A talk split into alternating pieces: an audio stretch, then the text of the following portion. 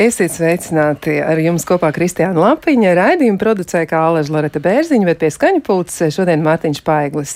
Mēs turpināsim sarunu par to, kā palīdzēt pašiem sev justies laimīgiem, skaistiem un arī, nu, kā mums pašiem panākt to situāciju, ka spogulī skatīties ir patīkami. Proti, mēs runāsim vairāk par zobiem, par zobu rindu, par ortodontiju, par to, ko var izdarīt, lai mūsu sakodiens un mūsu zobu stāvoklis būtu tiešām labs un visu mūžu arī zobi kalpotu mums kā, nu, lielisks gan estētisks, gan arī tāds tehnisks palīgs mūsu labajai dzīvei. Nu, tad mm, par to arī šodien. Bet pirms vēl mēs ķeramies pie šī temata, gribu jūs eh, mazliet izklaidēt ar to, ka, ja nu jūs domājat, ka Pīzes eh, slavenais tornis ir pats šķībākais, tad jūs drusciņi kļūdāties, jo izrādās, ka viss šķībākā torņa tituls pienāks Surhausenes tornim Vācijā. Un, ja nu gribas aizbraukt paskatīties, kā tas izskatās, tad tas ir nu, diezgan tāds sasvēries 5,1939 grādi. Jā, nu diezgan iespaidīgi. Nu, tas nozīmē, ka tad intuitīvi sajūta sajūta varētu rasties, gribās pieturēt, ja to būvoliņu nekrīt gar zemi.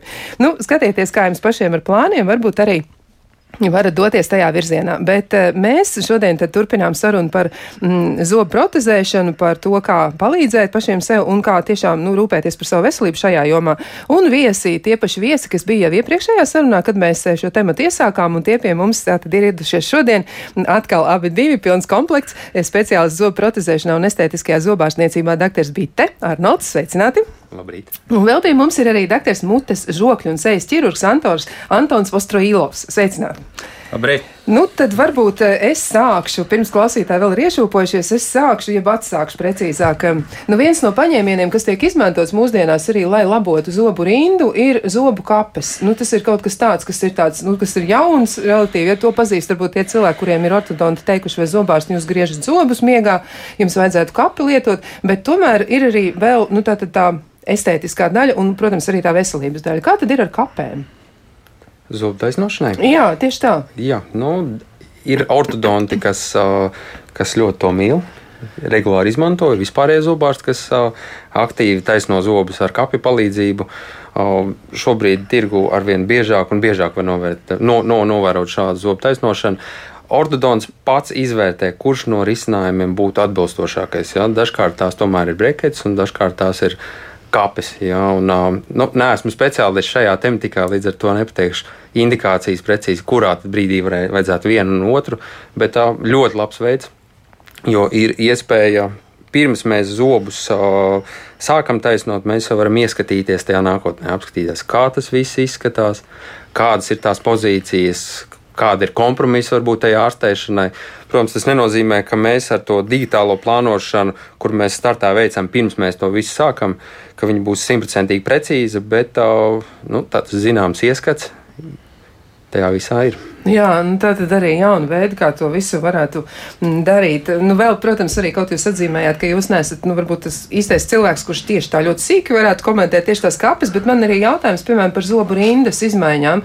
E, nu, dažos gadījumos cilvēki arī apsver piemēram, vai kaut ko darīt vai nedarīt, vai vispār aizvietot zobu, ja zobs atrodas kaut kur tālu prom. Nu, piemēram, tas ir nu, nu, viens no pēdējiem zobiem. Cilvēki bieži vien saka, ah, nu, tad kā, kāda tur īpaši jēga, nu, ko tad es darīšu? Nu, jau tur ir, nu, nav, nav, nu, neko dzīvoju. Nu, kādas varētu būt sekas tam, ja tas zobs tomēr iztrūkst? Nu, jāstāsta. Uh otra puse žoklim. Jā, ja teiksim, mums trūks kāds astotais zobs, jā, mm. reti kurš un diez, diezko liela jēga tur nebūtu aizvietot tos, tos, to pašu gala zobu. Ja. Uh, ja tas ir septītais, ja, nu, tad jau tur var domāt. Ja. Tad, ja mums apakšā, piemēram, ir septītais zobs un augšžoklī mums pietrūkstu septītais zobs, ja, nu, tad tas viens risks būtu, ka uh, mums tas apakšējais septītais zobs varētu vilkties vilkties uz āru, ja, un vienā brīdī varbūt pat pieskarties tegļotādai. Ja, nu, tas nav, nav, nav tik bieži. Uh, otrs apsvērums noteikti ir uh, komforts. Jā, ir pacienti, kas norāda, ka tas septītais zobs tiešām ir no svara un ir ērtāk košļāt, ir ērtāk, ātrāk, ātrāk arī ēst. Stipri atkarīgs tiešām no pacientām vēlmēm. Jā, bet, Parasti tas astotais nav jāizvieto, septīto nereti, nereti tomēr mēs izvēlamies arī atstāt uh, tukšu šo vietu. Nu, un tālāk jau no 6. līdz 6. Nu, tu, tur tā vērtība košļāšanas sistēmā noteikti, noteikti jau ir augstāk nekā tiem pēdējiem zobiem. Mm -hmm. Bet uh, zobu tāda, nu kā lai pasaka, tāda negatīva evolūcija, cik ātri tad zobi aiziet bojā. Jo, ja, piemēram, ir viens zobs, kurš ir sabojāts vai zaudēts, un viņš principā savu funkciju nepilda, tas nozīmē, ka pātrinās arī citu zobu, nu, nu tā teikt, sabojāšanās, un tie zobi vairs nu, pēc kāda laika nefunkcionē. Citreiz zobu zaudēšana pat atvieglo blaku zobu tīrīšanu. Mm -hmm. Piemēram, 7, 8 zobu gadījumā. Citreiz labāk, ka nav tas astotais gudrības zobs, jo viņš ir tik tālu, ka nevar viņu iztīrīt, no tā cieši arī blakus zobs. Bet, ja mēs runājam par trūkstošo zobu starp zobiem, un aizvietojam to piemēram ar tiltu vai kādu konstrukciju, tas neatvieglo tīrīšanu. Jā, labāk, ka mums sanāk viņu saglabāt, un um, ja tas zobs stāv ilgstoši bojāts, tas arī neatvieglo tīrīšanu, jā, un tas arī bojā blakus zobus. Ja, tā no tīrības ziņā citreiz, uh, ka nav tad tirāk, jā, bet uh, no tā, tāda viedokļa, ka kā sakodiena, kā kopējas sistēmas uzturēšana. Uh, zobu trūkums izraisa visu sakodienu, citreiz izmaiņas. Ne par 7. un 8. zobu runājot, piemēram, no 6. līdz 6. zobam cilvēks vēl mierīgi gan, gan gremot barību, gan pildīt estetiskas funkcijas, smaidot to pārsvarā neredz. Bet, ja mēs runājam par atsevišķu trūkstošo, nezinu, 4. 5. tā ir problēma, jo pārējie zobi virzās ieņemt to vietu, kur ir izrauta zobi. Un tad tās izmaiņas, kad, kad cilvēks atnāk pēc kādiem 4, 5 gadiem pie mums, nu, tagad es esmu gatavs likt implantus, un es skatos, ka tur, ja patiesi ielikšu tur implantus, zobus tur vairs neviens neieliks, ja, tāpēc, ka tur vairs nav vieta, pārējie zobi ir ieņēmuši. Tad mēs sākam atkal ar tām kapēm vai sūtām pie ortodonta, un ortodonts izvērtē, kā atgriezt to vietu, kas, eh, kas ir zaudēta. Mm -hmm. Bet runājot tieši arī par implantiem, vēl viena tāda lieta, par ko cilvēki raizējās, ir tieši tas, nu, kas tur ir ar tiem nerviem un ar žokļa masu tā saucamo, ja pašu mm -hmm. to žokļa kālu. Varbūt es varu cīkāk raksturot, kas ir problēmas, kas ar to parasti ir saistīts. Jā, ne, ne, nervs ir problēma apakšžoklī, ja, tā, tad mums attālums līdz nervam tas ir tas, kas nosaka, vai mēs varam izskrāvēt implantu vai nē. Uh, citreiz tā ir liela problēma pārsvarā mēs varam atrast kaut kādas alternatīvas, un tā žokļa masas trūkums ir vairāk nevis augstumā, bet platumā, ko, jo žoklis nav īsti domāts, uh, lai tur skrūvētu skrūves. Uh, viņš domās, lai turētu zobus, un izraujot zobus, mēs zaudējam to masu kopā, kaulu masu kopā ar zobu. Ja? Tā, tā ir liela problēma. Tāpēc tagad ar vien vairāk mēs cenšamies jau pirms raušanas domāt par šo jautājumu, kā mēs sa mēģināsim saglabāt, lai pēc tam neatjaunot, jo atjaunošana vienmēr ir grūtāka. Saglabāt domāju, to kaulu apjomu ap to zobu, jo atjaunošana bieži vien ir grūtāka. Bet jāsaprot arī to, ka tas nav tikai zobu raušanas uh, zūdums un uzsūkšanas, tas arī ir iedzimti. Citiem tie zobi stāv tik plānā kaulā, ka tur nekāds implants nekad nevarēs, ne, nevar būt ieskrūvēts, bet zobs tur var stāvēt. Zobam ir papildus asins apgada periodā, un viņš tur normāli dzīvo. Bet, kad mēs zaudējam zobu, tad mums, mēs simtprocentīgi zinām, ka tur būs tas tā problēma. Un to pacientu nav tik maz, jā, tādu plānu biotipu smaganē. Jā. Un citi pacienti ļoti sašutuši, tāpēc, ka viņi, nu, viņi klausās reklāmu, viņi skatās uh, internetu, un tur ir, protams, ļoti daudz mārketinga informācija par to, ka tas ir tik viegli un vienkārši, un īstenībā tiem pacientiem tas nav tik viegli un vienkārši. Tiem pacientiem vajag trīs, četras ķirurģiskas procedūras, lai uh, dabūtu balstu uh, zobiem. Jā, tas nav vienkārši. Nu, vēl arī viena no klausītājiem raksta, savos 46 gados taisnoja zobus ar kāpēm, likvidējot iestēmu un koriģējot visu augšējo zobu izvietojumu, kompensējot bērnībā izrauto lielo zobu, ja mainot sekotienu un super rezultāts sešu mēnešu laikā. Bet viņa tāda liela beta pierakstīs, ka kapes der tikai ļoti pašdisciplinētiem cilvēkiem. Droši vien, ka tas ir skaidrojums, jā, kāpēc varbūt ne visi cilvēki to izvēlas. Varbūt pat tas materiālais aspekts tur nebūtu tik būtisks, cik ļoti tas, ka tur tomēr ir jāsako līdzi visam šim procesam. Nu, kā par jebko? Jebkuram procesam jāsako līdzi. Es pats esmu gājis sākumā ar kapem, un tagad es pārgāju uz breketam, tāpēc ka man uh, problēma tāda, ka es ka pazaudē to kapi. Tad pēc tam kādas pusotras mēnesis, kamēr dabū jaunas, parasti, ja, nu, kamēr tiek ties pie speciālista, kamēr uztais nospiedumu nosūta uz to laboratoriju, kas tos taisa. Un tad rezultātī es sapratu, man vieglāk to nokontrolēt. Nu, jo es pats esmu blakus ortodontam visu laiku, ja man nokrīt brekete, es ātri pieskrēju pie ortodonta, viņš man to pielabo. Bet kapas ir ļoti laba un vienkārša lieta. Ja tā situācija atļauj to lietot. Tāpēc, ka mēs sākam nevis ar breketiem, mēs parasti sākam ar to, ka mēs ejam uz kaut kādu iedomājumu rezultātu un tad virz, rē, rēģējam uz to, kā tas notiek. Katrai nākamajai vizītei redzam, ah, šis zobs neparvietojas, tad mēs mainām plānu. Ja? Bet savukārt ar kapem mēs to rezultātu jau ieplānojam no sākuma. Tas digitāls tehnoloģijas šodien mums to atļauj, un tas digitāls tehnoloģijas ir radījušas ļoti lielu kā to pateikt, izaugsmi visās lēciens, nozarēs, pilnīgi, pilnīgi lecieni visās zobārstības nozarēs, un tas mums palīdz. Nevienmēr to var simtprocentīgi iziet to ceļu glūdi līdz tam rezultātam, bet mēs vismaz ejam uz rezultātu, un mēs jau redzam, kā, kā, kā, kā, ko mēs gribam panākt, un parasti pie tā arī plus mīnus ātrāk vai vēlāk nonākam. Ja. Mm -hmm.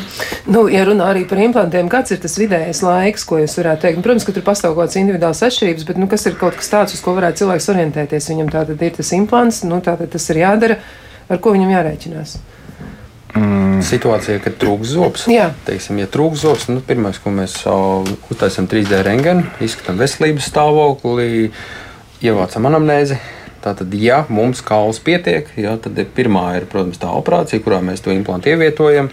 Nu, tad vidē mēs gaidām tos trīs mēnešus, jā, un pēc tam trim mēnešiem mēs protezējam procesēšana var aizņemt nedēļu, divas, trīs, četras, atkarībā no situācijas sarežģītības. Bet, ja mums tā kaula tur pietrūkst, vai arī pietrūkst mīkstie augļi, nu, tad pieminētās trīs, četras operācijas, lai tiktu līdz implantam, un tad ir procesēšanas etaps.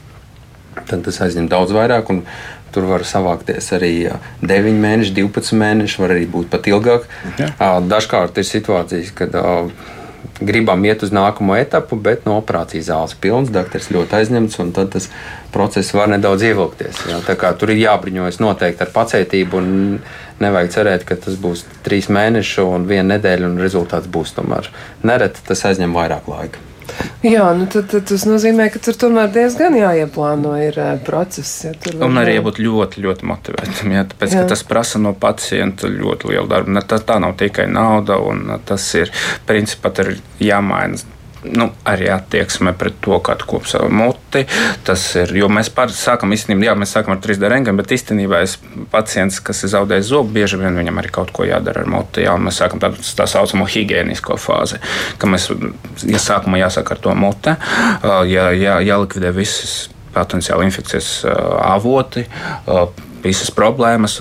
Un tad jau varētu sākt ar, piemēram, kaulu pieaudzēšanu. Nepieaugs pacientam, kuram ir um, zobakmens uz saknes uh, blakus kaut kāds vai, nu, vai kāds kompromitētas plombas. Blakus tas vienkārši nestrādās. Mikrobi aug daudz ātrāk nekā kauls. Un, uh, jā, un tad mēs parasti tos pacientus nosūtām uz otru apli. Un tad, kamēr viņš iziet to visu ārstēšanu, tad citi neatgriežas, bet tie, kas, nu, tiem, kam ir augsta motivācija, atgriežas un tad arī dabūja to labu rezultātu. Jā. jā, tas nozīmē, ka tad jāsāk tiešām ir ar tādu visu vispārēju mutes dobumu izpēt, kas tur notiek. Nu, vēl man tāds jautājums arī par to, nu, ja, piemēram, izrādās, ka cilvēkam nu, beig beigās nesanāk nekas no šī visa, un tad viņam ir, nu, tomēr tā protezēšana tādā tradicionālākā veidā. Nu, kā tad tas, kā tad jūs to risināt? Nu, piemēram, ir cilvēks ļoti sacerējies uz to implantu, un beigās doktors saka, nu, nē, nebūs, nesanāk.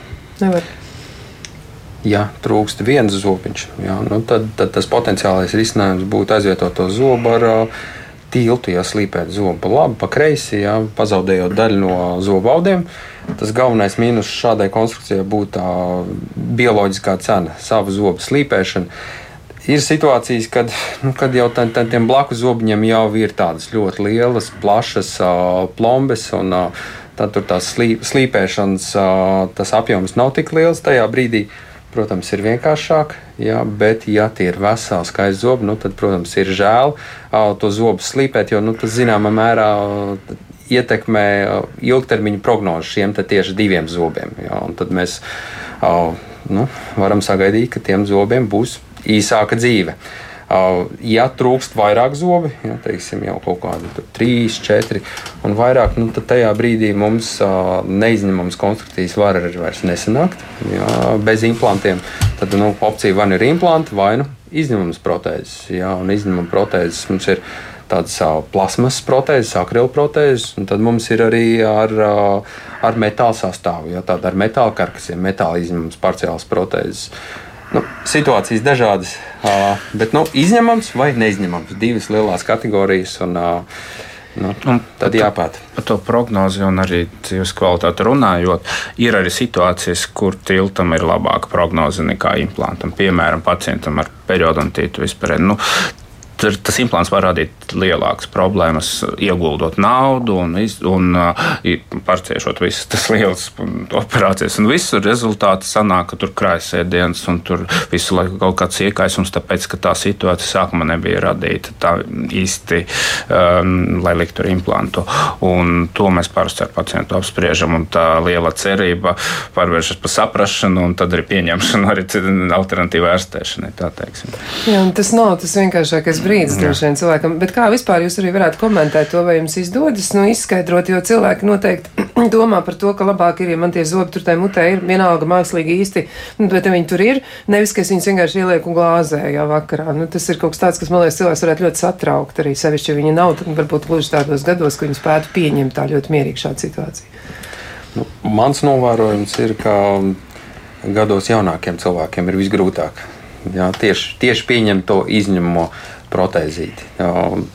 Tas, tas aizņem laiku un ir, ir jāstrādā ar pacientu psiholoģiski, jāizskaidro. Un, nu, lielākā daļa jau tomēr laika gaitā adaptējas, pieņem to visu, saprot, kādas ir izņemamās protēzes.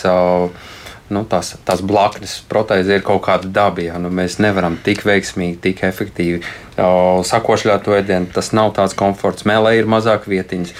Ir savu mīnus, bet cilvēks tiešām ir. Uh, adaptīvs, viņš pierod pie daudz kā. Un, nu, Tas... Dažkārt caur to izņemamo protēzi tomēr atrod motivāciju kārtīgāk tīrīt un tikt nākotnē implanta. Tā mēdz arī gadīties. Jā. Bet um, nu, lielākā daļa tomēr jau pierod un viss arī beig beigās ir jā, kārtībā. Tomēr ir, ir gatavi. Bet uh, izņemama protēzi noteikti vieglāk iztīrīt. Uh, bet cilvēkam, kas ir gados un kam ka objektīvo iemeslu dēļ, kā ar vecumu, varētu būt veikli, ne, ne tik veikls rokas, lai iztīrītu ar zobu diegu visus tos uh, zemtilta diegi. Tas ir ļoti diezgan sarežģīti. Jā. Un uh, citi ir laimīgi. Nu, mums vienkārši ir alternatīvas uz četriem implantiem. Var uzlikt pieskrovētu konstrukciju, kur, kur krājas ēdienas un ko grūti iztīrīt. Un var arī uz, uztaisīt tādu, kas ļoti stipri fiksēs, bet vakarā viņu var izņemt un iztīrīt. Un šīs sarunas ir ļoti grūtas pašiem pacientiem, jo viņi uzreiz iztēlo savu mammu, stāsta, ka viņa likusi tur mokstījusies ar tām protēzēm, un es negribu nekad mūžam tādu, bet realitāte tie, kas uz to iet, bieži vien ir eh, beneficēti pēc kā vieglāk iztīrīt, mazāk iekaisumu un mazāk problēmu. Un arī vieglāk nu, salabot, ja tur kaut kas, piemēram, atlūst kaut kādas keramikas vai plasmasas gabaliņš, ja no tādas protēzes viņi vienkārši paņem aizsūt uz laboratoriju un dabūja vakarā gatavu. Jā, jā, tā izņemama tādā ziņā izņemama konstrukcija nav vienmēr tā, kas krīt no mutes ārā. Jā, tas citreiz ļoti stingra konstrukcija. Neviens nezina, ka viņa ir izņēmama, izņemot tevi pie spoguļa vannas istabā. Jā, jā nu, tas ir tā ir laba ziņa. Nu, vēl, protams, arī tāds konkrēts jautājums ir, kāda summa jārēķinās. Ja, nu, es domāju, ka tur droši vien ir jāpaskatās katrā konkrētajā e, ārstniecības iestādē, ko tad e, piedāvā, un tad tur droši vien var arī aprēķināt, aiziet pie ārsta, varbūt arī tad var tur, tur kaut kādu cenu listi sastādīt, ja kā tas konkrētais cilvēks diezin, vai jūs spēsiet šeit atbildēt uz to. Bet vēl viens tāds jautājums ir, vai var mm, ievietot implantu apakšžoklī, ja tiek lietots osteoporozes zāles. Konkrēti prolio injekcijas vienu reizi pusgadā, un pēdējā injekcija ir bijusi aprīlī, kaula blīvums ir uzlabojies, un zāles, eh, nu, lietot, nu, tā kā domāts ir pārtraukt. Jā, nu, šis jautājums ir no klausītājs, viņi tātad tiešām ir eh, risinājuši šo te problēmu, ir medikaments bijis, jā, un tad, nu, ko jūs domājat? Nu, diezgan, diezgan bīstami. Pacientam, kas lieto osteoporozi, ir bisfosfonāta tipa zāles. Uh mhm. Mm, diemžēl ir novērota tādas blakus parādība, jo Tas zāles aptur kaula normālu metabolismu un neļauj kaulam uzsūkties, bet principā kaula uzsūkšanas un uzslāņošanas ir normāls kā, kaula pārveidošanas, atjaunošanas mehānisms, un tas arī strādā, kad, kad sāp kaut kas, piemēram, mēs izraujam zobu vai no ieskrāvējam implantu, radot defektu. Tas sāp balstoties uz šī mehānismu. Tas mehānisms ir bloķēts, un diemžēl žokļu ķirurģija visvairāk uh, komplikāciju no bisfosfonāta zālēm, un tas komplikācijas ir diezgan dramatiski dramātiskas, diemžēl, jo izraujot zobu, pēc tam ar vien dziļāk iet tā kaula nekroze. Un ir ļoti jāapsver to. Tas Pagaidām tas zāles relatīvi nesen ir arī Latvijā. Tāpēc, kā agrāk tas bija attīstītājs valstīs, un mēs dzirdējām tikai kongresos par bisfosfonātu nekrozam, un tagad mēs arī paši redzam pēdējo desmit gadu laikā šo problēmu. Un es ļoti rūpīgi, rup, rup, rūpīgi izvērtēju katru gadījumu, cik liels ir risks. Jo mazāk tur darīt, jo labāk ķirurģiski. Un arī ja, piemēram, jums plānojas uzsākt tas zāles, es ļoti silti iesaku visas problēmas atrisināt pirms uh, uzsākt tas zāles lietošanu, jo labāk kādu laiku pamatot osteoporozi un salabot muti, un tikai tādu, un radikāli salabot visas kompromitētas zobus, nevis astēt pagaidīt, kas notiks, bet labāk likvidēt uzreiz, tāpēc, ka tas var radīt ļoti liels uh, sekas veselībai. Diemžēl tur ir vadlīnijas, kas iesaka, ja, ja tu pēc pusgada nelieto, tad plus mīnus droši, bet es esmu redzējis arī pacientus, kas kādu laiku nelietoja, un viņam vienalga nedzīs nekas mutē. Tāpēc nu, man, man pagaidām nav tādi dati ļoti konkrēti un ļoti konkrēts. Vadlīnijas ir, bet um, tas vēl ir relatīvi jauna tēma. Un, um, tie ir tās problēmas, ko esmu redzējis, ir ļoti liels problēmas. Jā. Nu, tad klausītāji jāsaka ļoti, ļoti jā. piesardzīgi. Jā, jā. tiešām jāizrunājas ar ārstu, jāmēģina jā. saprast, kā to situāciju ir izsināt. Bet tiešām nu, tādas ļoti, ļoti sarežģīta lieta. Nu, vēl arī jautājums ir no klausītājiem, nu, cik gadiem būtu jāsāk meklēt ortodontu pakalpojumu bērnam septiņi gadi un redz, ka zobs uz zoba aug. Ja? Nu, tad tur trūkst jau vietas, un tad mazajam cilvēkam jau tur ir kaut kāda raibumi tajā mutē. Septiņos gados. Jā, septiņi gadi bērniņam. Gaidīt, ka pašceļas zobi. Un tad izvērtēt to situāciju pie ortodonta. Principā aiziet pie ortodonta konsultāciju būtu vērts arī septiņos gados, bet uh, sākt ārstēšanu parasti ātrāk par pilnu uh, pastāvīgo sakodienu nu, parasti nesāk. Jā. Un, Vienīgais, ko var citreiz eh, darīt, ka tas augžoklis ir pa šauru, tad citreiz kā mēģināt paplašināt, bet tas ir atkarīgs no bērna sadarbības šai vecumam. Dažādi varbūt, jā. Mm. Uh, viņš arī nepaciest to paplašinātāju, jā. Un uh, tā, parasti tas jau tomēr tiek izvērtēts. Mēs, redz, mēs citreiz redzam, ka būs problēma, bet mēs neko nevaram sākt darīt. Bet nu, labāk aiziet pie, pie ortodontos konsultāciju, jo tomēr tas nav īsti mans lauciņš. Jā, jā par ļaunu nenāk. Tomēr es parasti rekomendēju labāk aiziet, izrunāt, Jā. zināt, kurā brīdī varbūt tieši šim bērnam būtu vēlams aiziet pie doktora, pie ortodonta. Tā kā labāk labāk lieku reizi arī varbūt aiziet. Mm, bet ortodonts var jau prognozēt, kas tur varētu notikt, jo nu, mēs jau zinām, ka mēs piedzimstam un tur tie zobi jau tur tā kā tajās liksdiņās eh, sēž, un, un pamazām tad viņi tur sāk arī nu, sevi, sevi rādīt, un pamazām aug, un, un, un ir tādi atpazīstami, redzami, sataustāmi, tur viņi arī ir. Un varbūt, ka jau iepriekš var kaut kā saprast, nu, kas tur varētu notikt. Ja tādas iespējas mums vēl nav, diemžēl. Nu, droši vien labs ortodonts, jā, varētu, ir. Jā ir ar spējām prognozēt. Jā, kā... Nu ir situācijas, kur mēs varam saprast, bet neko nevaram izdarīt. Mums vienkārši tas bērns aug tā, ka viņš aug. Jā. Un uh, ir situācijas, kur kaut ko var ietekmēt. Jā, bet nu, jā, ir arī situācijas, kur kaut kas tiek palaists. Un, piemēram, kaut kas virsskaita zobs, kas bloķē zobu šķilšanos. Tā, tā ir liela problēma, ja tas ir pavēlu atklāts. Jā. Labāk agrāk viņa izrauta ārā un tad zobi normāli šķiras paši pa, pa sevi bez papildus palīdzības no ortodontijas puses. Tā kā situācijas ir dažādas. Jā. Nu, visticamāk, jau varētu jā. arī izmantot tādu vienkāršu pieejamību, tā reizi gadā kaut vai aiziet pie tā zobārsta vai, vai jā. pie higiēnas. Zobārsta reģionu var novērtēt, vai tur ir kaut kāda papildu problēma. Nu, normāli tā jābūt. Jā, jā nu, tā tad to noteikti var izdarīt. Um, jā, nu, tas ir tāds um, diezgan būtisks aspekts un droši vien arī. Nu, Jā, jūs teicāt, bet kad tad ir tas, tas mirklis, kad tas sakodiens tā izveidojas? Tur arī droši vien zināmas variācijas, bet tas aptuvenais vecums varbūt vēl citiem vecākiem, kas par to jautā. 12, 12, plus mīnus. Uh, pusotrs gads, divi gadi. Nu, tā. Nu, kaut kur tā, jā.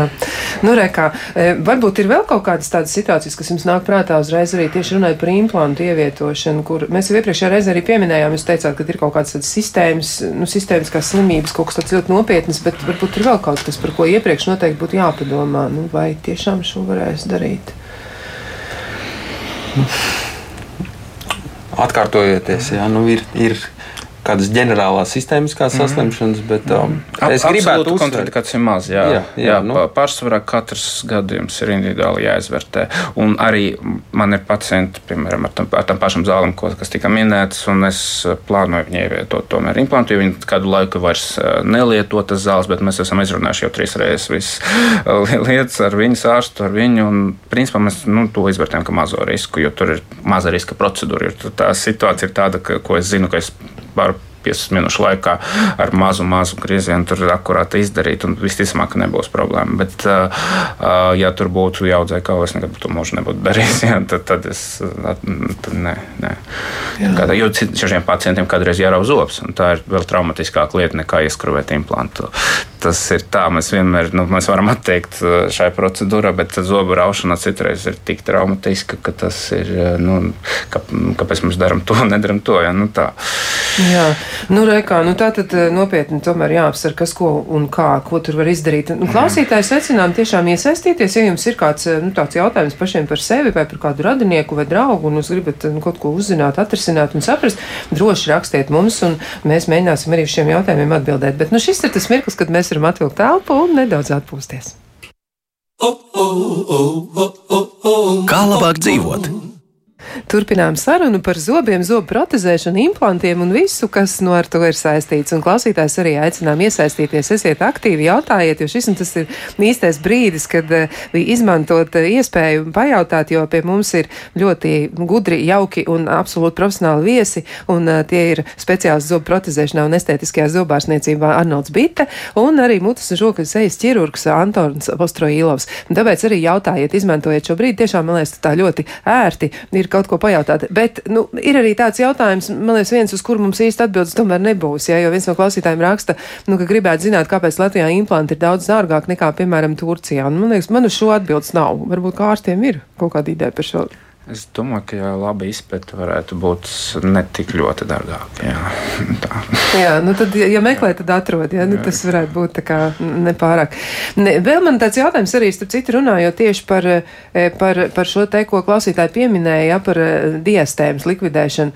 Nu, vai tas ir kaut kas tāds, kas cilvēkiem arī rūp ļoti bieži, ja tomēr pret to var izturēties? Nu, arī tā varbūt tas ir kaut kāds psiholoģiskais mehānisms, ko mēs tur varam nolikt lietā. Ik laikam var, var, var sastāt pacientus, kur atnāk tieši ar uztraukumu par spraudziņu starp priekšējiem diviem zobiem centrālajiem. Un, nu, te es varu izstāstīt, ka mazas spraudziņas cilvēki no malas uztver diezgan pozitīvi. Un, tā nepiefiksē un neiegaumē. Un, tas aizvien vēl ietilpst zem kategorijas skaists. Ja, un, iepriekš runājām, ka vienu cilvēku mēs varam bildē izveidot ar dažādiem smaidiem, ar digitālām tehnoloģijām. Varam to pašu spraudziņu izveidot teiksim, no 5 mm lielumā, milimetru, pusotru un divu.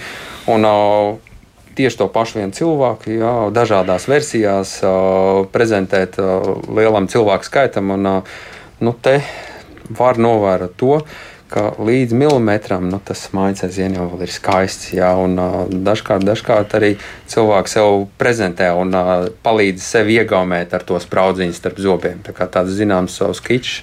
Tā kā, uh, Noteikti, noteikti jāvērtē konkrēta situācija, un, ja cilvēks jūtas ērti, nu, tas jau arī var būt skaisti. Jā, nu jā, droši vien. Tas ir interesants moments, kad mēs plānojam to smaidu estetiku, ka mēs, tās, ka mēs nonākam pie tā, ka mēs kaut ko pārtaisam, ja, tad mēs varam izvēlēties, kāds pacients izskatīsies, ja, un viņš var izvēlēties citreiz.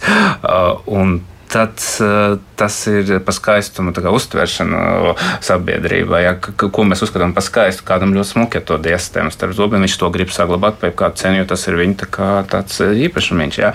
Uh, bet, Bet citam, nu, kategoriski gribas, lai nu, tā kā, nu, tā kā Barbija viss, tā kā, viss vien, vienāds tā kā Holivudas zvaigzne, bet nu, tas Holivudas zvaigznes arī ir dažāds. Ja? Arī tiesa, jā, tā tieši ir. Tā, nerad tāda ļoti skaista smaidi un tieši tādām sabiedriski zināmām teiksim, personībām, aktieriem, ja, tie smaidi. Nu, viņi nav pārspīlēti perfekti. Viņi nav labā ar kreiso pusi pilnīgi vienādi. Tomēr kaut kādas mikro nianses tur pastāv.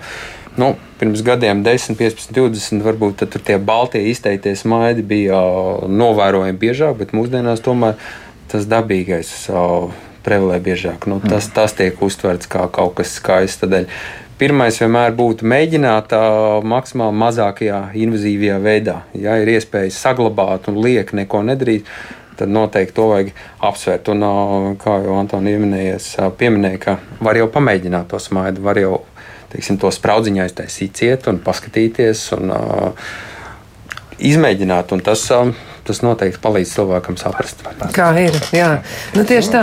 Nu, vēl arī tāds konkrēts jautājums, kādu zobu kronīti likt priekšējiem zobam, vienam zobam. Ir jau uzlikts plasmas kronīts un būtu tā kā laiks nomainīt, jo zobs ir ticis noslīpēts iepriekš. Nu, tad, nu, doktor Bīt, ko tad jūs teiksiet? Nu, atkarīgs no, no tās situācijas, no sakotniem, no slodzes.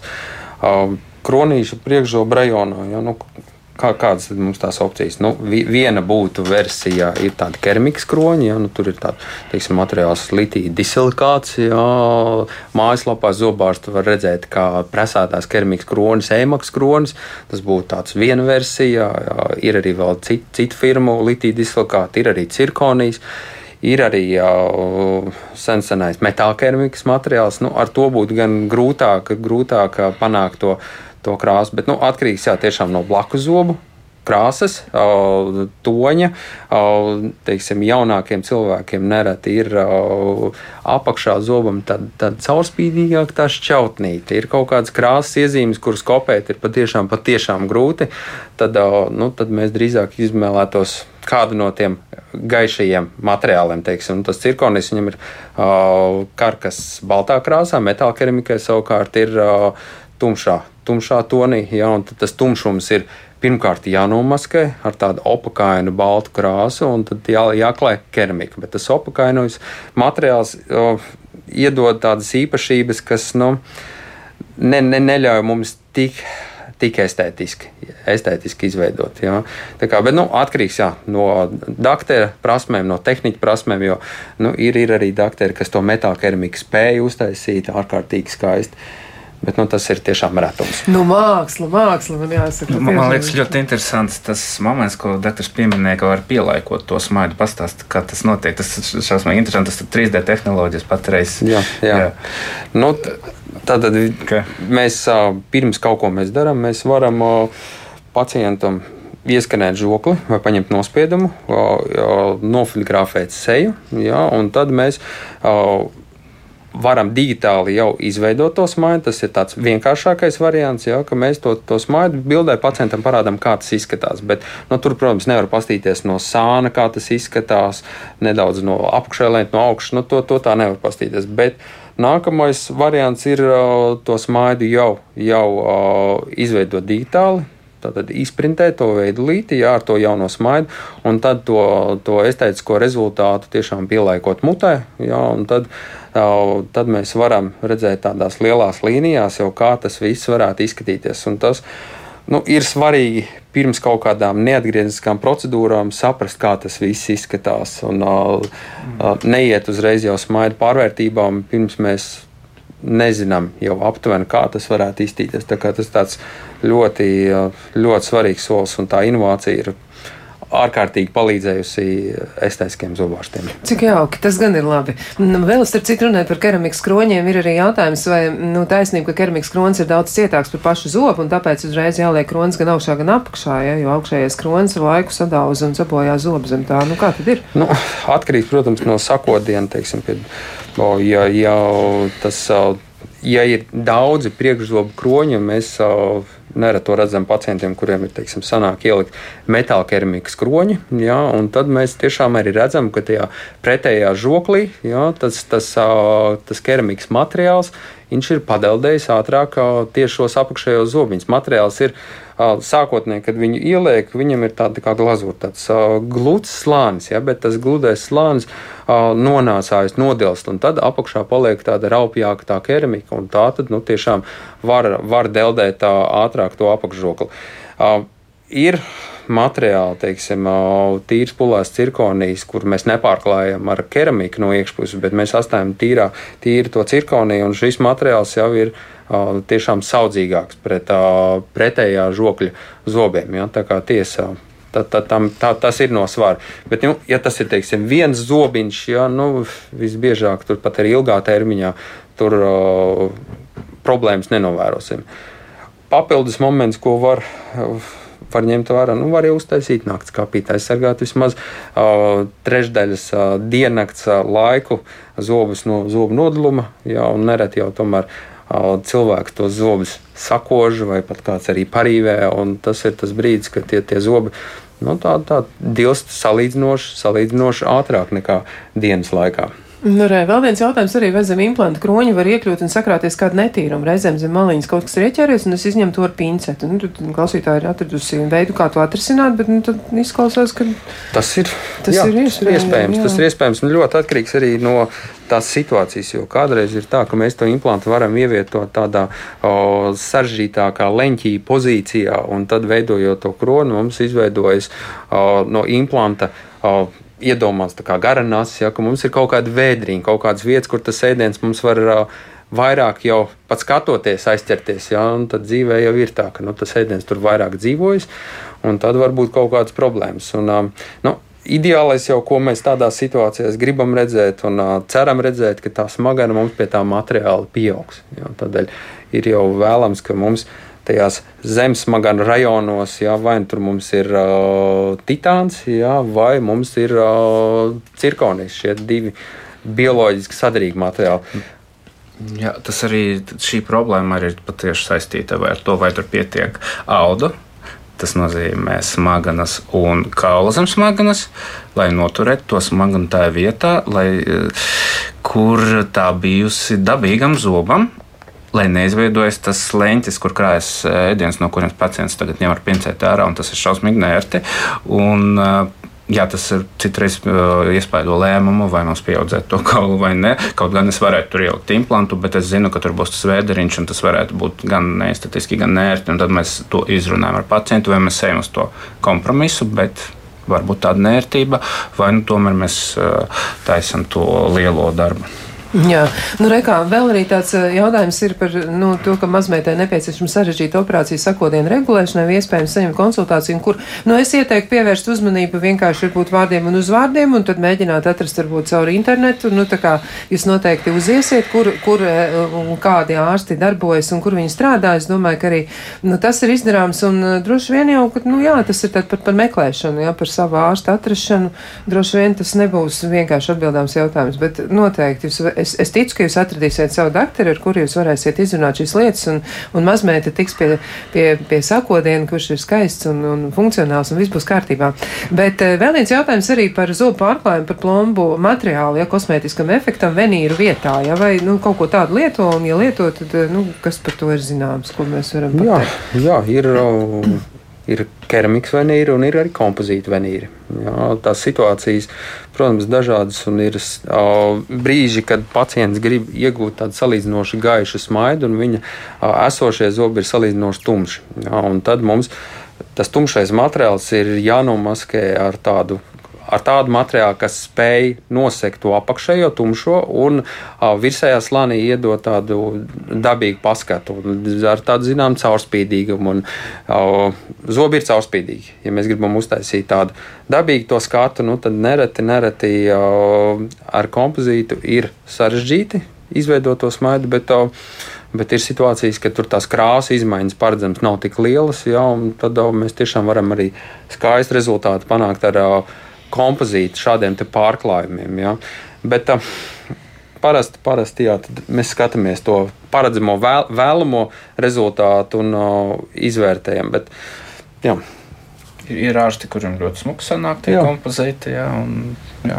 Tas ir. Tad, un tas nav sliktāk par venieriem citreiz. Jā, jā bet, bet nu, izturība tur ir zināma izturība. izturībā un, protams, jā. ja doktoram ir patīk tiešām slīpēt tos zobus, no tā zoba paliek apakšā maz audu, jā, tad tajā brīdī es teiktu, varbūt labāk uzlikt to kompozītu. Bet, ja slīpē tiešām maz invazīvi, zinot jau to gala rezultātu vai tuvu tam, un tad izvēlas keramiku un pareizi viņu izveidot, tad um, nu, statistiski ilgmūžīgāks variants ir keramikas venīra. Jā, bet nu, tiešām maz invazivitātes gribu pieminēt kā tādu kritisku faktoru. Jā. Jā, tomēr jādzīvo ir ilgi, jā, un ar tiem zobiņiem uh, Mm.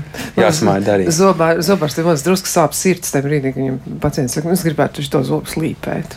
jā, protams, Man tāda fantāzija ir par to. Nu jā, bet eh, nu, vēl viens jautājums arī, eh, nu, viens no klausītājiem raksta, man zobi ir pavisam slikti un ja izskatīs 2001. gadā liktie tilti augšzobiem, ja, kas izmaksāja tur, nu, viņš raksta milzīgu summu, ārprāts man pilnīgi ar sirds saucās. Ja toreiz varēju atļauties, bet, nu, tad, tad tiešām ļoti iespaidīgi. Bet šodien tiek uzstās un apakšzoklim eh, dzerokļi jau nav kopš armijas gadiem, ja, un tad ir pietrūkusi arī tā nauda, lai sakārtot apakšu. Un eh, šodien, nu, klausītājs saka, būt priecīgs arī par izņemamām protēzēm. Un viņa jautājums, protams, ir, nu, uz kur arī varētu būt grūti atbildēt, cik izmaksātu praktiski tukšai mutē tās protēzes, ja, jo žogļu kauls ir mazs un implanti, nu, galīgi garām. Nu, laikam arī šīs izmaksas nebūs iespējams aprēķināt gluži tik vienkārši, vai ne? Nu, Jā. Nu, nu, tas būs tā.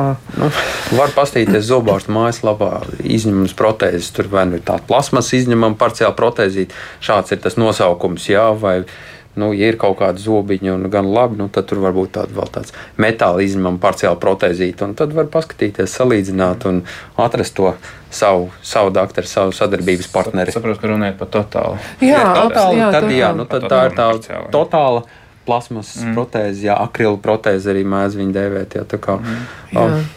Nu, re, vēl viens jautājums ir par, kā saka, zeltu mutē, ja? Nu, mēdz tā teikt, nu, rīta stundai zelta mutē, nu, šitien ir jautājums par zobiem. Un, nu, te jautājums ir tāds, ja vai vēl lieto zeltu zobu kronīšos un tiltos, un, ja ir zelts mutē vai lieko cita materiāla kronīši, tas zelts būtu jāņem ārā. Nu, re, kāds jautājums ir par sadarību, vai tas zelts joprojām tiek izmantots? Es nemācīšu komentēt. Nu, nu, man sanāk zelta materiāli izmantot zobarstiem. Ja, tad man pa laikam kāds zobārsts atnāk un vēlas jā, tieši, tieši to zeltu, bet no pacienta puses šādu lūgumu neesmu ļoti, ļoti sen dzirdējis. Tā kā zeltam ir viena forša īpašība, viņš tāds zināms mīkstāks nekā teiksim, tas keramikas, metāla keramikas kroņa materiāls, un viņš dils līdzīgāk kā savi zobi, un ir, ir savi bonus. Nu, teiksim, Vācijā ļoti, ļoti populārs materiāls. Nu, vismaz varbūt šodien, mūsdienās vairs ne tik ļoti, bet agrāk, agrāk tiešām. Daudziem, daudziem pacientiem tiešām ir izmantojuši šo materiālu. Nu, runājot par uh, sadarību, jā, nu, es, tur, es tur neredzu problēmas. In, gan, gan investīcija nākamajai pārtaisīšanai, gan, gan zobi. Vienīgi, ja padilst jauni, ir jāņem bet, ārā, tad ir jāurubi. Bet, bet jā, bez jokiem mūsdienīgie materiāli jau tas cirkonis, un viņi, nu, man liekas, ka viņi bišķi pat labāki par to zeltu. Jā, ja tā, tā precizitāte, ko mēs varam panākt ar 3D printēšanu un uh, ne printēšanu, bet kā viņš sauc? Frezēšanu. Frezēšanu, jā. jā. Uh, tas jau pārspēj to, jo zelts bija domāts savu plasticitāti kvalitāti, arī labāk piegulēt mal, zobu malā. Jā. Un tagad tā precizitāte ir diezgan augsta tam 3D tehnoloģijām, un tas vairs nav aktuāli tik daudz ieguldīt un dabūt to pašu rezultātu. Jā. Jā. Nu, vēl bija tas jautājums arī par to, vai, kā ir tā, ka organisms implantu nepieņem. Nu, tādas situācijas varētu gadīties, un vai vecuma ierobežojuma implantu ielikšanā. Man liekas, ka iepriekšējā sarunā doktors minēja, mm. ka bija ļoti, ļoti jau krietni gados kungs, un, un liekas, ka tur viss sanāca. Man šķiet, bija Rīt pie manis nāk. Tā, rī, rīt nāk, jā. Nu, kā, nu, tad, eh, tur, tur, bet, tur, bet, bet, bet nu, bija arī vairāk tādu pacientu, kas ir ap 80 gadu vecumu. Mēs uh, palīdzam turēties platīt, un viņi ļoti laimīgi. Jā. Bet, uh, uh, Absolūti kontraindikācija nav. Jāskatās konkrēti, kāda veselība konkrētam individam, jā, vai implanti var vienkārši nepieaugt. Uh, Nu, tiek uzskatīts, ka tas kauls dzīst nu, plus mīnus visiem, ja tikai nav kaut kāda nu, nopietna metabolisma traucējuma. Ja, tā, tas implants pieaugšana ir balstīta uz to kaulu dzīšanu. Ja, parasti implants nepieaug dēļ kaut kāda ļoti konkrēta iemesla. Pārkarsēts kauls urpšanas laikā, mikrobs, kas trāpīs. Viss, kas var notikt, ja, no simts implantiem, vienam implantam kaut ko var kā, palaist. Ja kaut ko nedara, tad nav komplikācija. Un tad tie implanti, nu, tad cilvēki domā, ka tas man nepieņem. Bet pār, pārliekot otro reizi, vienmēr viņš kā, nu, pārsvarā pieaug. Es, nu, man nebija tā, ka man div, divas reizes bija kāds nepieaudzis implants. Un tas nav bieži. Jā, nu, tā, tā ir laba ziņa. Nu, nu, es gribētu papildināt jā. par to vecumu. Ja, nu, tur jā. var būt ierobežojumi tieši jaunajiem cilvēkiem. Nu, agrāk uzskatīju. Nu, 18 gadiem, ja mēs sagaidām 18. jubileju, un tad mēs aizvietojam to bērnībā pazaudēto zobu. Bet nu, mūsdienās tomēr mēs sagaidām jau nu, nedaudz lielāku to vecumu, teiksim, 25 gadi. Tā, tā, tā, tā Jā. problēma jau diezgan. Uh, ir pamanām, ka teiksim, tur ir tā div, vēl viena jauna problēma, kas vēl nav izpētīta līdz galam, bet principā tas jau, jau speciālisti jau ļoti redz to, ka ieskrūvēt implantu 18 gadu vecumā, jo bieži jo ir tāda grupa pacientu, viņi nav daudz, bet kas, piemēram, es nezinu, šupolīti vai kaut ko zaudējuši zobu līdz 18 gadu vecumam. Bet žoklis vēl turpina augt, un implants neaug līdz ar žokli. Viņš paliek tur, kur viņš ieskrovēts. Un tas sanāk tā, ka, ja mēs ieskrovējam pārāk agri, un žoklis turpina augt, tad tas zobs paliek kaut kur dziļumā un pareizi zobi izvelkas. Un agrāk mēs uzskatījām, ka 18 gadu vecumā pārstāja augt žoklis. Bet, kad mēs sākam skrūvēt implants, mēs varam redzēt, relatīvi, ka pa dažiem milimetriem tomēr izvelkas tie zobi. Daudziem pacientiem, ne visiem, bet daudziem mēs to redzam. Tā ir katastrofa, diemžēl, jaunam cilvēkam. Parasti tas spriežos. Un, uh, tad mēs tagad to vecumu par, nu, mēģinām pa, pa, palielināt līdz 25 gadu vecumam, pat jā. jā. Nu, tā jau ir. Nu, vēl tā, nu, tagad sāks tie ātrā jautājuma sērija, ja, jo mums ir nu, Jā. diezgan maz laika atlicis, un līdz ar to mēs tā ļoti, ļoti āši varam mēģināt atbildēt, cik ilgi kalpo keramzīta kroņi. Nu. Nu, tā, tā, tā. Pirmais, kas mums ir jāskatās no komplikācijām, jau ilgtermiņā mēs redzam kariesu. Jā, zem jebkura materiāla var izveidot kariesu. Ja tas tā ir plomba, tad plombas, zem keramikas arī zem var izveidoties kariesu. Otra potenciālā problēma, ja nu, tam, tam, tas keramikas kronis kaut ko neveiksmīgāk uzkožot, var arī lūst. Tāpat kā savā emālī, tā arī keramika var kaut kur atšķelties. Ja, nu, ja tas ir priekšzobu rajonā, tad, tad ir švakāk, tad tur kaut kas jāmaina sānos. Nu, jāstāsta, kurās tieši vietās. Kādreiz cilvēks tā pa galam neveiksmīgi uzkož, un tajā brīdī salūz zobs. Ja teiksim, tas ir nedzīvs zobs, nu, tad kādreiz arī pat jārauj, jārauj tas zobiņš. Nu, tāda precīza statistika es nepateikšu, bet. Nu, Visu laiku runā par zobu, bet ne par keramiku. Keramika nu, kalpo var nu, keramika pats dzīvot. Jā, jā, jā, pats, jā. pats, pats materiāls. Jā. Var, var kalpot tiešām arī ilgi. Nu, tur, jā. Nu, skaidrs. Nu, tad vēl tāds viens jautājums, uz kur arī nu, jāmēģina tā ļoti īsi atbildēt. Viens no klausītājiem raksta, viņam ir 40, plus, viņš ir smēķētājs, kafijas lietotājs, nu, visas krāsas. Ja? Un zobu stāvoklis nav diezko labs, krāsa celtnīga. Mutē man ir vismaz 4-5 uh, saknes augžoklī, kuras mans zobārs, kurš nenodarbojas ar implantoloģiju, pēc iespējas ātrāk aicina izraut. Taču es domāju par implantiem nākotnē, un tādēļ to nevēlos darīt. Un kas ir lielāks risks atstāt šīs saknes vai arī klausīt manam ārstam un raut ārā tos, tos bojātos zobus? Nu, ko tad? Jāizvērtē katru atsevišķi. Tas Nebūs nav viennozīmīgs atbildi, nav simtprocentīgi kontraindikācija, bet arī nav labi, kā tā ir. Jā, jā nu, ka tas sēž jā. kaut kas nu, tāds. Ja tas kanāls ir labi sapildīts jā. un tur viņš ir pārklāts, viņš netraumē smaganu, nerada lokālu iekaisumu, nu, tad tā saknīte, jā, tur var var palikt, bet nu, cilvēks smēķētājs, nu, tur potenciāli var būt tā, ka tā smagnums tomēr ir tāds attieksme pret uz veselību. Nu, jā. Nu, jā. Nu, rekā, nu, vēl arī tur viens no klausītājiem ir sarēķinājis, cik kas ir, nu, izskatās, ka tā arī ir. Tas, ko jūs rakstāt, tā varētu būt. Es arī paskatījos ar vienu acu tīri interesi pēc, ja kā tas ir, man izskatās, ka jūs neesat kļūdījies. Tur tas cipars, ko jūs esat atradis, varētu arī būt patiesi. Jūs varat tur sakārtot muti tiešām par to summu, ko jūs arī esat izrēķinājis. Un, eh, nu, tad pats pēdējais eh, jautājums ir, kurš izgatavo pašu zobu protēzes, ja, un cik ilgu laiku tas tiek gatavots, vai totālā platīte, un cilvēks aiziet, tad tas secinājums tiek izdarīts, viss tur sataisīts tā un tā, un tad, nu, cik ātrā laikā viņš var tikt pie tā visa. Jā, nu, teiksim, totālās protēzes parasti aizņem kādas, nu, trīs, četras nedēļas. Jā. Nu, ja tā labi, labi grib, labi plāno, to var noteikti arī ātrāk izdarīt. Pašas protēzes o, ir kopdarbs zobārsta un zobu tehniķa. Ja? Bet nu, tās rokas, kas to o, plasmasu izveido un zobiņus sastāda un o, visus šos darbus veids, ir Zobu laboratorijas speciālists, zobu tehniķis. Zobu tehniķis, mākslinieks, zobu tehniķis. Ir, tā, liekas, viņam ir ļoti, meistars, ļoti, jā. jā, tas ir meistars, viņam ļoti smags darbs.